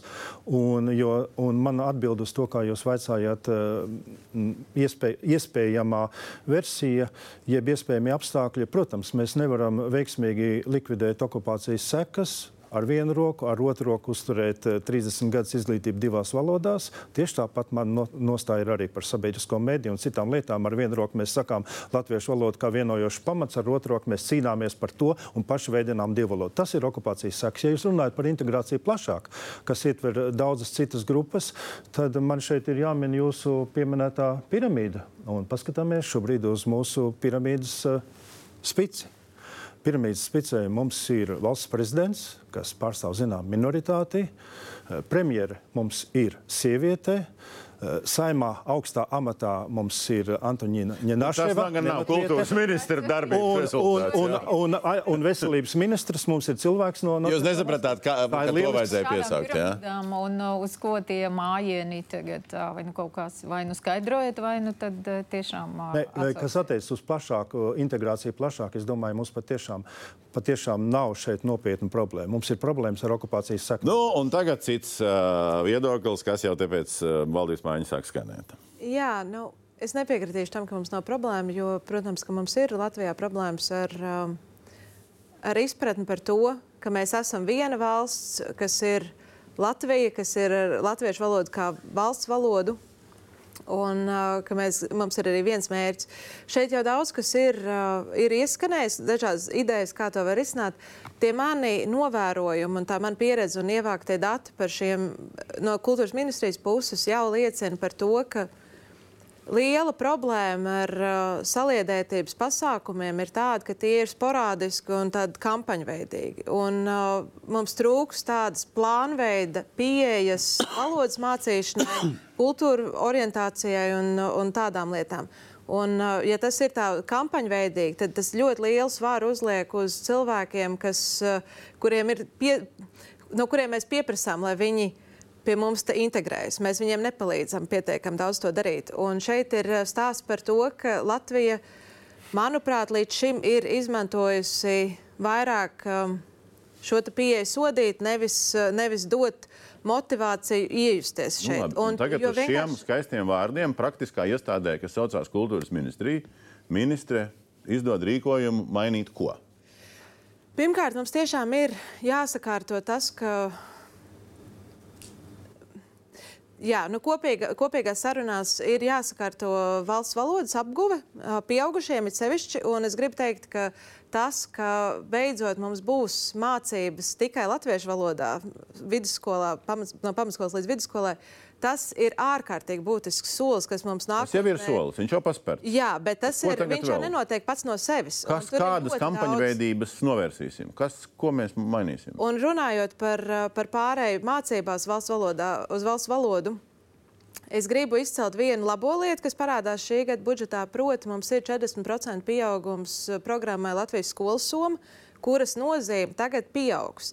Jo tā ir iespēja, kā jauniešiem, bērniem iepazīties ar Latvijas kultūru visā tā daudz. Visā nu, man jāsaka, ka tā skolas soma ir vispār nacionāli izdomāts savulaik projekts. Tā radīt, un, ja, ja tā ir. Es domāju, ka par laimi kļūst par programmu jā. un ir visplašāka nekā viens partijas. Un tas ir viens no tiem brīnišķīgajiem piemēriem, kur tāda, tāds projekts kļūst par kaut ko plānveidīgu. Sliktais piemērs? Paliksim pie labiem piemēriem. Jūs tikko teicāt, viena labi, viena slikta. Es, es paliksim. Tā nebūs sliktais. Ja? Žūrija, ko jūs sakat saliedētības jomā? Kas, kas ir notiek reālētā? Banku automātos, ka iet izņemt naudu, tur ir trīs valodas. Piemēram, kāpēc ne poļu klāt, kāpēc ne čehu, kāpēc ne vācu. Jo, manuprāt, tas ir ļoti dīvaini. Tā ir tā būtiskākā nu, lieta saliedētībā. Jā, jā nu, piemēram, Anglijā jā. taču neraksta krievu valodā Vibiriķi ģengi, pažālst.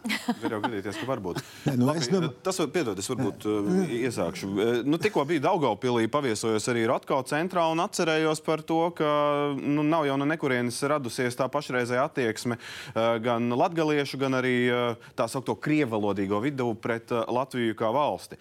Uh, Var, protams, uztvert ar neusticību gan latgalē dzīvojošos, gan arī citos novados, reģionos dzīvojošos neetniskos latviešus kā kaut kādu draudu, bet atcerēsimies nu, sirmu senatni, kad es vēl biju pavisam sīkais un bērns un lasīju to tikai pēc tam vēstures grāmatās, kā uh, Tautas fronte un LNNK apsolīja tiem uh, krievalodīgiem Latvijas uh, neatkarības idejas aizstāvjiem pilsonību pēc tam, kad viņi būs izkarojuši valsti, un tad pēc tam šo pilsonību neiedeva. Tādējādi dodot labu pamatu tam, ka mēs uh, veidojam divkopienu valsti un sašķeltību. Tad ar kalniem un lejām mēs turpinājām šo bināru opozīciju starp nacionāļiem un viņu pretsvaru no sākuma PCTV un pēc tam saskaņu, saskaņas centru īstenot tādā veidā, sadalot elektorātu un nav ko beigt brīnīties. Šī fona man vienkārši jautājums, kas jādara Siliņas valdībai? Kā kas jādara Siliņas valdībai? Nu, es, es teiktu, ka nezinu, vai labākā ideja ir likvidēt sabiedrisko mediju Krievu valodā šitā šlus un taļas, ņemot vērā, ka karš un Krievu propaganda tad kļūst par vienīgo oh, oh, oh. līdzekli, lai vienīgo tā, iespēju iegūt informāciju. Tā tad, vai tad tiek pietrūksta komerciāliem, kas jau ir? Jautāju man uz to vielu. Vai jūs negribētu kāds aiziet uz kiosku vienreiz, apstīties avīzes, kas Latvijā tiek izdotas? Ja? Tu vari ar grūtībām var atrast divas avīzes latviešu valodā. Nu, es vispār nelasu avīzes, bet es paskatos uz turieni, ja, kas tur ir. Un, uh, un tur ir pilns liels klājums ar neiedomājumu Moskovskiju komsomoļiecēm. Kā es atvainojos, mēs divas lietas runājam. Sabiedriskais medijs, kas ir uh, sabiedriskas organizācijas. Jā, jāraida latviešu valsts valodā un punkts. Kādi tur var būt jautājumi vispār? Nu, Jā, Zimar, piekrītu tev, jautājumi. un reizē nepiekrītu. Var sakot, ja, tad pie, paliksim pie, pie, paliksim pie pirmā, piekrītu. Jā, tev divas variantus jau nevajag vairāk. Nu, Skaidrs, nu, vēlāk izskaidrosimies. mēs izkausimies tur ārpusē. Jā. Viena lieta, ko var no jūsu intervijām pirmajām uh, nolasīt šajā jomā, kas īpaši, man liekas, izceļās, ir patriotisma pārdefinēšana. Tā jūs teicāt, jā. Ja? Ir vārds pēdējos gados, vārds patriotisms Latvijas Uh, mīlēšana ieguvusi ļoti nacionālistisku nokrāsu. Tāds bija citāts tajā intervijā. Tas ir cieši saistīts ar to, ka Nacionāla apvienība bija kultūras ministrijā 11 gadus. Tad kā pārdefinējam patriotismu? Un es arī tālāk šajā intervijā turpinu par to, ka es gribu redzēt Latviju kā vietu, kur cilvēki grib dzīvot, kur viņi vēlas uh, dzīvot, strādāt, veidot savas ģimenes. Kultūras, eh, tas ir eh, Nacionāla apvienība kultūras ministrijā līdz šim tā neredzēja. Nu, ņemot vērā sevišķi Nacionālas apvienības attieksmi pret uh, dažādām minoritātēm, es esmu diezgan pārliecināta, ka līdzinājā Nacionālas apvienības attieksme bija tāda, ka ir cilvēki, kuri Latvijā nav vēlami. Jo tā ir tā bijusi. Jūs nejauciet dažādas minoritātes kopā, tautības un citas minoritātes. Jebkāda veida minoritātes. Asimilācijas tendence kultūras ministrijas politikā bija prioritāra pār integrācijas politiku Zigmar.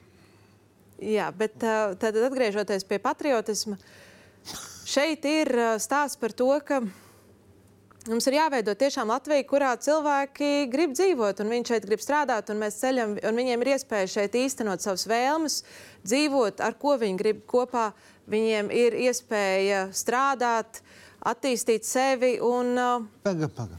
viņi ir arī aizsargāti no valsts puses. Un es, tāpēc cilvēktiesības ir jautājums par sabiedrisko mēdību. Mēs runājam pašlaik nu, par to, kādā valodā runā mēdīs. Te mēdīs jau ir viena no sastāvdaļām. Tur nevar būt, vai tad ir tiešām kaut kāds mēdīs vēl dažāda minoritāšu grupām atsevišķi vēl mēdī, jūs domājat, ka vajadzīgi ir, ja, vai kā?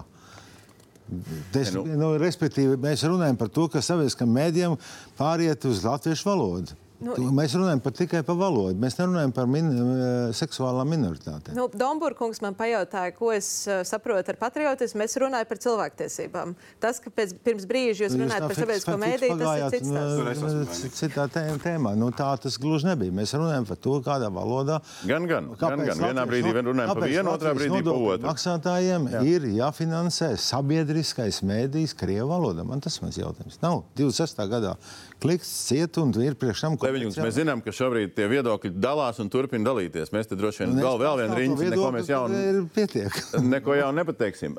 Ko Bundeļkungs liek pretī šim uzstādījumam?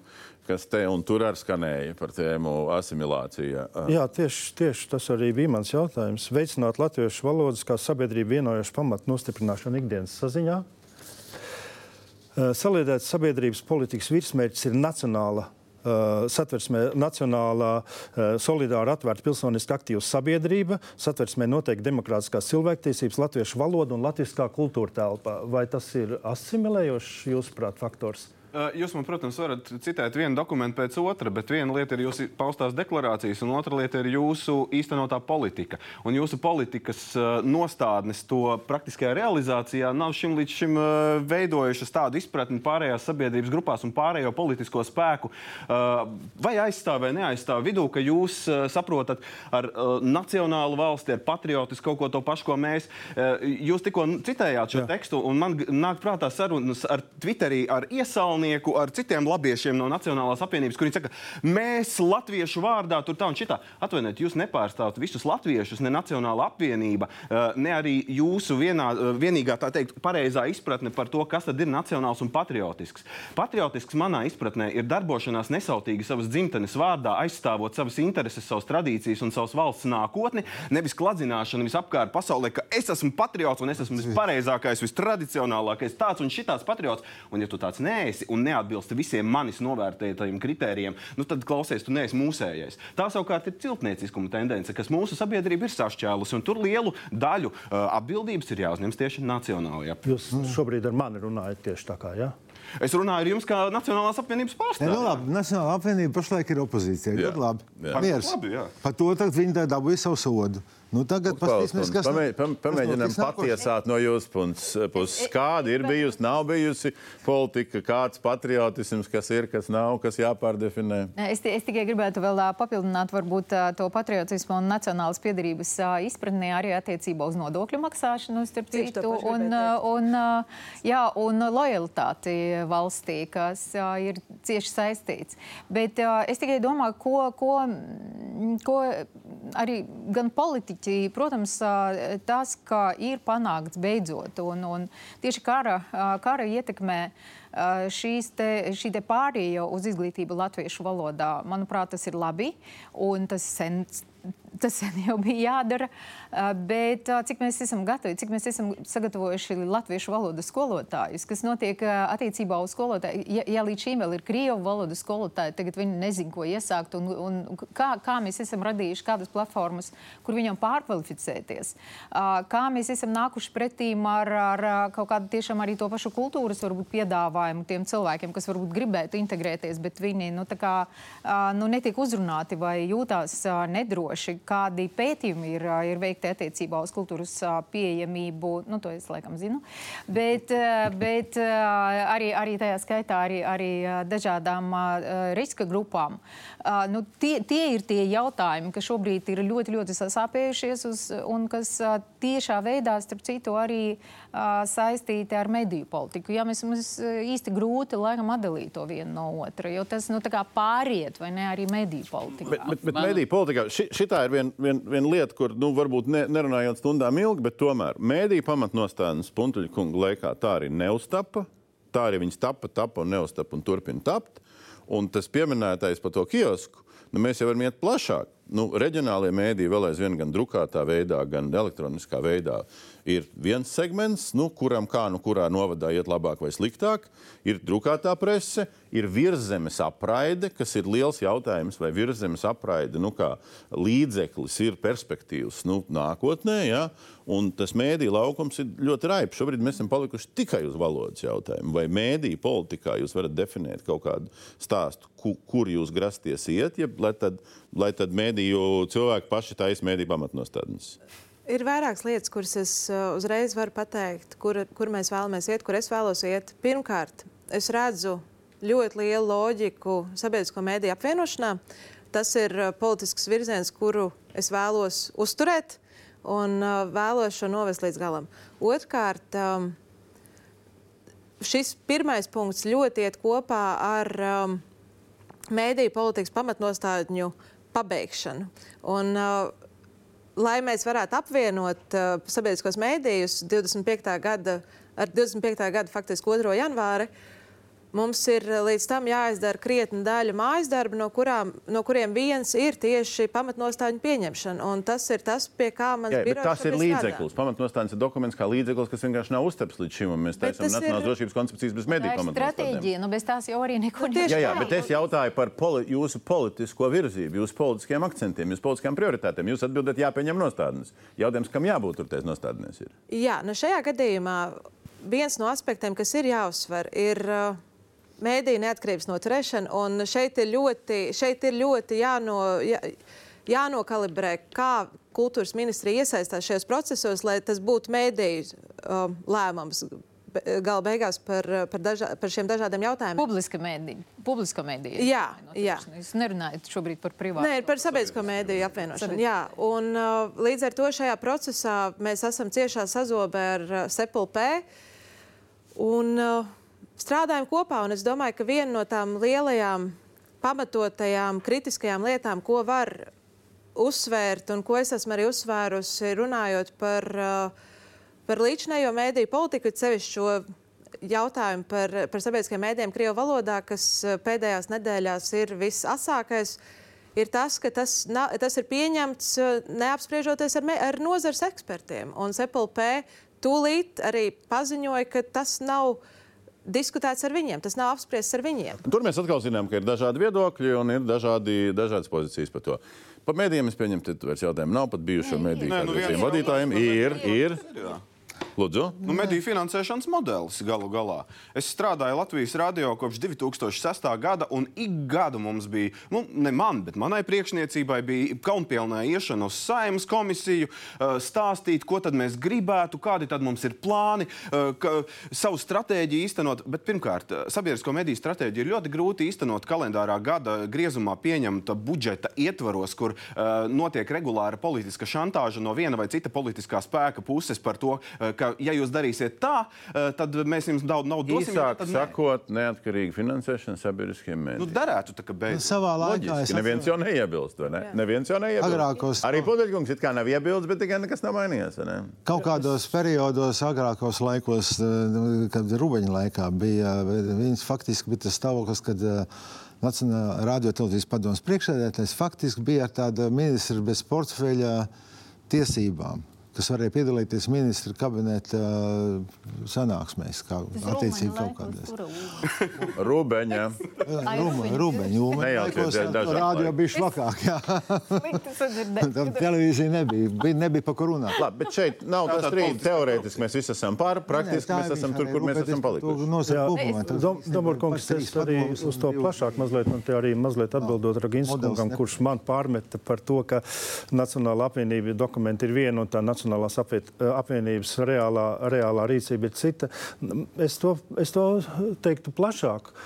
Ja mēs gribam pielikt punktu jautājumam par sabiedrības integrāciju, tur jau ir arī tas šķērslis, ka mēs līdz šim brīdim neesam pateikuši skaidri. No vienas puses mēs sakām, mums ir valsts valoda un, un, un, un visam jātīstās sabiedrības integrācijai jābūt uz valsts valodas pamata. Ar otru roku mēs darām kaut ko citu, kas absolūti neatbilst šiem dokumentiem. Jūs kā eksministrs turpināt uh, teikt, ka ir normāla situācija, ka pieņem vienas nostādnes vai vienu koncepciju par mēdījiem, kamēr jūs nesat pat pabeiguši mēdīju nostādņu dokumentu. Šis ir dokuments, kura platforma netur kultūras ministrija. Šis ir dokuments, kurš atbild uz jautājumu, sabiedriskais medijs Krievijas valodā ir drošības apdraudējums vai nav. Un Tā tad normāli. Tā mēs valstī varam no, paralēli pieņemt dažādas dokumentus. Domburkungs, mēs atrodamies kara laikā, un būtu neloģiski, ja mēs neusticētos tām institūcijām, kuras atbild par valsts iekšējo drošību. Mēs iesim Ja atkal par īņķi. Nu, vai viņas vispār to uzrakstīja? Nē, neuzrakstīja kultūras ministrija. Viņas to apstiprināja, rūpīgi analizējot. Tātad, To mēs neesam redzējuši, jo tas viss ir valsts noslēpums. Nu, nu, līdz Vai ar nu mēs mēs to nezinām. mūsu drošības institūcijām vai nu ne? Vai kritiskā domāšanā nevajadzētu kritiski pret visiem izturēties? Jā, bet šis ir valsts drošības jautājums, un tur ir eksperti, kuriem mēs vai nu uzticamies, vai nu neusticamies. Un, ja eksperti šobrīd apgalvo, ka sabiedriskais medijs Krievijas valodā Kurš valsts drošības dienestā ir eksperts mediju jautājumos? Baigi interesanti gribētu tos vārdu uzvārdu uzzināt. valsts drošības jautājumos viņi ir eksperti. Un Bet, es, bet mēs runājam arī par mediju un integrācijas bet jautājumu. mēs runājam par valsts drošību. Un ta, es vienkārši realizēta ar mediju politikas pamatnostāļu palīdzību. Kuru vēl nav? Kur nav? Šis ir pierādījums tas, ko, ko, ko, kas ir tāds arī mīts, ja, ka sabiedriskais medijs, jeb medijas krievu valodā, ir valsts iekšējās drošības jautājums, jeb apdraudējums. Valsts drošības dienesti šobrīd apgalvo ar savu lēmumu, ka tas nav drošības apdraudējums. Punkungs, neiesēžamies uz šo jautājumu. Es saprotu, ka ministri ir pateikusi, ka viņi pie šī jautājuma atgriezīsies. Premjera īstenībā arī ir pateikusi kaut kādu nesaprotamu, vai viņi tā kā, nu, mainīs kaut ko, nemainīs vēl kaut ko. Nu, mēs nezinām, kas te notiks. Nu, vienkārši. Gribēju dažas lietas vēl noslēgumā par šo pieminēt. Kultūras ministrijas saskaņojums Nacionālās drošības koncepcijai bija 11. septembrī, kas nozīmē, ka tas ir dažas dienas pirms, uh, pirms jaunā valdība nāk uh, stājas amatā. Tas ir tas bija caur caurēm politisks lēmums, kas nav pragmatisks un kas nav iz, i, apspriests ar nozares ekspertiem. Jūs to- nobalsojat par šo koncepciju pirmā sēdē, kad jūs bijāt ministri. Jā, jo vienkārši tajā brīdī mums arī vajadzēja apstiprināt koncepciju līdz Nebija 1. nekāda oktobrim. pienākuma. Līdz 1. oktobrim viņi Jūs bija varējāt nebalsot par viņu. Un, Jūs par viņu nobalsojāt. Un tad, ja, un, ja es būtu nenobalsojis, jūs man šeit pārmest, kāpēc es negribu aizstāvēt Nē, Latviju. nepārmestu. bet- Jo, principā, Nacionālās drošības koncepcija ir vajadzīgs dokuments, kurā ir ļoti daudz būtisku punktu par to, ka mums ir jāstiprina Latvijas Par to drošība. akurāt mēs nerunājam šeit. Bet, sarunā. bet tiešām nu, šeit ir stāsts par to, ka kā mēs, kā mēs esam gatavi stiprināt šo, šo kā mēs esam gatavi stiprināt savu drošību. Vai mēs ņemam vērā ekspertus, vai mēs izdomājam, ka mēs zinām labāk. Es eju, es eju tajā virzienā, ka mēs runājam ar ekspertiem. Tad šobrīd jūs ejat virzienā, ka jums nebūs savu viedokļu par, uh, politiku, uh, par, par valodu, mēdīju politiku un valodā mēdījos. Es Kurš tas eksperts, kas jūs vietā to noteiks? Pirmkārt, šie, šādiem lēmumiem ir jābūt. Di, jātop diskusiju rezultātā. Jums tāpēc- ir vairs nav viedokļa, kad, ka šis lēmums ir nepareizs no 26. No gada tā es 1. neesmu atkāpusies. Ā, No tā neesat atkāpusies. Tā kā es, dom, es tiešām domāju, ka 28. gada 1. janvārs ir par ātru, un tas, es neredzu, kā tas varētu nest nepieciešamos rezultātus. ka Tas vairāk šķeļ, nevis vieno. Uh, atgriežoties ar ko mēs sākām un noslēdzot šo sarunu. Pēdējais jautājums. Tas, kas tika pieminēts, uz uh, deklarācijas bāzes katra valdība raksta rīcības plānu. Nu, dažreiz uzraksta trīs mēnešos, dažreiz uzraksta ilgāk. Iepriekšējā rakstīja ilgāk, gan īsi četras pagāja, tur, kamēr apstiprināja. Nu, tagad ir ļoti interesanta situācija. Tāda Latvijas uh, valstī mums nekad nav bijusi. Ka, uh, nav daudz punktu, zem kuriem rakstīt daudz rīcības virzienus. Ir pāris punkti, tā skaitā ar vārdu kultūra. Vienīgais šis punkts, nu, zem kā ir kaut kas jāuzraksta ko darīt, līdz kādam termiņam darīt, kas būs atbildīgais un tam līdzīgi. Norizumēt šo sarunu. Mēs, protams, mēs neaizskārām dziesmu svētkus. Iespējams, ka jums rezumējumā ir vēl ko pateikt. Dziesmu svētku viens no, viens no autoriem, uh, darbu autoriem uh, sēž. Mēs neaizskārām kultūra kapitāla fondu un to, kā viņi dala naudu un nozaru struktūru un kādas atdeves mēru un ko tik nē. Un tā tālāk, tā tālāk. Mēs nu, te varētu runāt desmit raidījumos. Kas ir uh, nu, viens vai pāris būtiskākās lietas, ko jūs prāt zem šī ļoti apaļā punkta deklarācijā, tā ir rīcības plānā šai jaunajai Ievikas Siliņas valdībai, kur drīz vairs nebūs tik jauna, kas būtu jāieraksta? Nu, Piemēram, augstākā izglītībā, lai necieš augstākā izglītība partiju kautiņu rezultātā. Jo būtu oriģināls rīcības plāna punkts. iepriekšējā deklarācija, kas bija gara, gara, Jā. šī ir īsa. Kas mainās? Nekas. Kā augstākā izglītībā trūkst finansējums, atrūkst. Nu, es domāju, ka būtu ļoti svarīgi tomēr apzināt Eiropas Savienības nākamā plānošanas perioda iespējas dažādu instrumentu piesaistē, un tajā skaitā arī, arī, mm, arī infrastruktūrai. Mēs domājam arī par tabakas fabriku, mēs domājam arī, protams, par laikmetīgās mākslas muzeja attīstību. Es domāju, ka tur tiešām ir lauks, pie kā strādāt. Es piekrītu, ka ļoti pozitīvi, ka jūs sadarbojaties arī ar pašvaldību, arī Rīgas pašvaldību un citām pašvaldībām. To, to nedrīkstētu laikam pazaudēt. Vēl viena lieta, ko es redzu arī kā potenciālu, arī attiecībā uz to pašu nelaimīgu mediju politiku. Es domāju, ka ir atstāts arī novārtā Latvijai lojāls privātais segments, ar ko, ko arī vajadzētu apzināt, manuprāt, tieši medijos. Uh, un uh, iespējams stiprināt uh, tādu ceļu ir gājuši Igauni, piemēram, kas tiešām izveidoja pat savu grantu sistēmu. Un, viņam, starp citu, šo riska informatīvo kanālu lietojums ir samazinājies ļoti būtiski, ejot tieši šādu ceļu. Es saprotu, ka es savu laiku jau tikai. Nu, nē, nē, nu, kā, tie rīcības plāna punkti arī. Viņi, nu, viņiem ir jābūt iespējami lakoniskiem. Ko jūs uh, ieteiktu ielikt rīcības plānā? Ko primāri? ieteiktu? Nu, es ieteiktu līdzīgi kā Muktupāls kundze teica, padomāt par kultūras infrastruktūras un arī kultūras būvju līdzfinansēšanas iespējām Eiropas Savienības pieejamo finanšu instrumentu ietvaros. Eh, man tā pašam ir tumša bildes, tādēļ ceru, ka tur ir speciālisti vairāk. Vienlaikus kultūras ministrijas eh, pakļautībā un izmantojamā finanšu resursa uh, kritiska izvērtēšana, tā jēgpilnā izmantojumā un arī laba plānošana, lai nesanāk, ka jūs piesaukties dziesmu svētkos, ka vai, nu, mums ir tik naudas, bet vajag šī. Gan jau mēs atradīsim kaut kur procesā vēl. Privātā biznesā tas aiziet pa pieskari. Tādēļ privātās publiskās partnerības projekta tālāk attīstība ir vēl viena ideja, kuru noteikti iesaku arī apsvērt, lai vienotu mūsu pilsonisko sabiedrību tās visdažādākajās kultūras šķautnēs. Liepiņkungs, ko likt? Es vienkārši to teikumu vēl saīsinātu. Un, jā, es... un rīcība kāda? Jā, nē, nu, ko tur daudz rīcība. Tur vajadzētu būt rakstītam tā, atbalstīsim latvisko kultūru, tradīciju un kultūras mantojumu. Punkts. Vairāk nekas. Un rīcība nekāda. Jā, un ko tur, nu, ko tur vairāk tur daudz runāt? Nu, kā, kāda izpēte? Nu, kas tur ir kāds pētniecības institūts jāizdzīgs, lai kaut ko pētītu? Nu, Sen jau vajadzīgs, protams, ka mm. Nē, nu, lai viņš ir, bet, uz mediju politiku, gan attiecībā uz integrācijas deklarācijā izklausās pēc vēla. Nu. Laikmetīgo mākslu Nu, Neko neliekam, jā, mākslu pārstāvs vai mūsdienu mākslu. Obligāti liekam. Pārsaucam, kā tas patīk Zigmaram Liepņam un liekam iekšā. Piešķirt finansējumu, lai iepirktu laikmetīgo mākslu. Jums ir mājas darbs, vēl pāris mēneši. Ko darīt? Godīgi sakot, tas rīcības plāns ir stipri ātrāk. Mēs viņu, mēs šobrīd esam sagatavojuši melnrakstu, kuru mēs diskutēsim ar kultūras nozares profesionāļiem. Uh, un tad sniegsim valdībā. Bet, godīgi sakot, man prieks dzirdēt, ka liela daļa, man šķiet, ka lielākā daļa no tā, ja ne viss no tā, ko jūs teicāt, jau ir iekļauts tajos punktos, ko mēs. Bet viņš kļūs publisks uz diskusiju ar kultūras nozari. Tā, tā no jums var saprast. Vai tikai selektīva, dažiem diskutēs, dažiem nediskutēs. Nu, kultūras ministrijai ir ļoti daudz padomju. Kultūras nozarei, katrai, katrai nozarei ir sava padome. Mēs diskutēsim. Tā ir padomēs. Nu, kas ir uh, reprezentācijas? Padomēs. Jā. Jā. Visa vara būs padomēm. Vēl bija ko piebilst par uh, aizgājušā rīcības plāna uh, līdzautoru. Vispirms atļausiet vienu repliku, repliku par iepriekšējo jautājumu. Tātad jūs droši vien publiskā telpā redzat, ka Lokins kundze ir aicināta uz saimnes pieprasījumu komisiju, kur tad arī varētu skaidrot savu rīcību, kā nepildīt ministra kabinetu un saimnes lēmumus.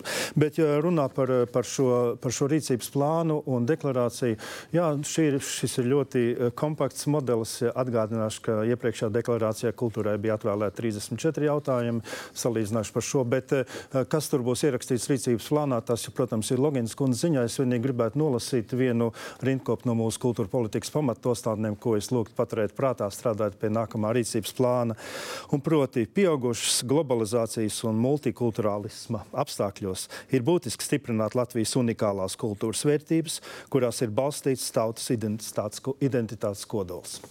Un tas nozīmē, ka Loginai, lai kā nepatiktu ideoloģiski kaut kas, kas bija līdz šim, jāstrādā jau to pašu nostāļu ietvaros, kurus parakstīja Puntelis.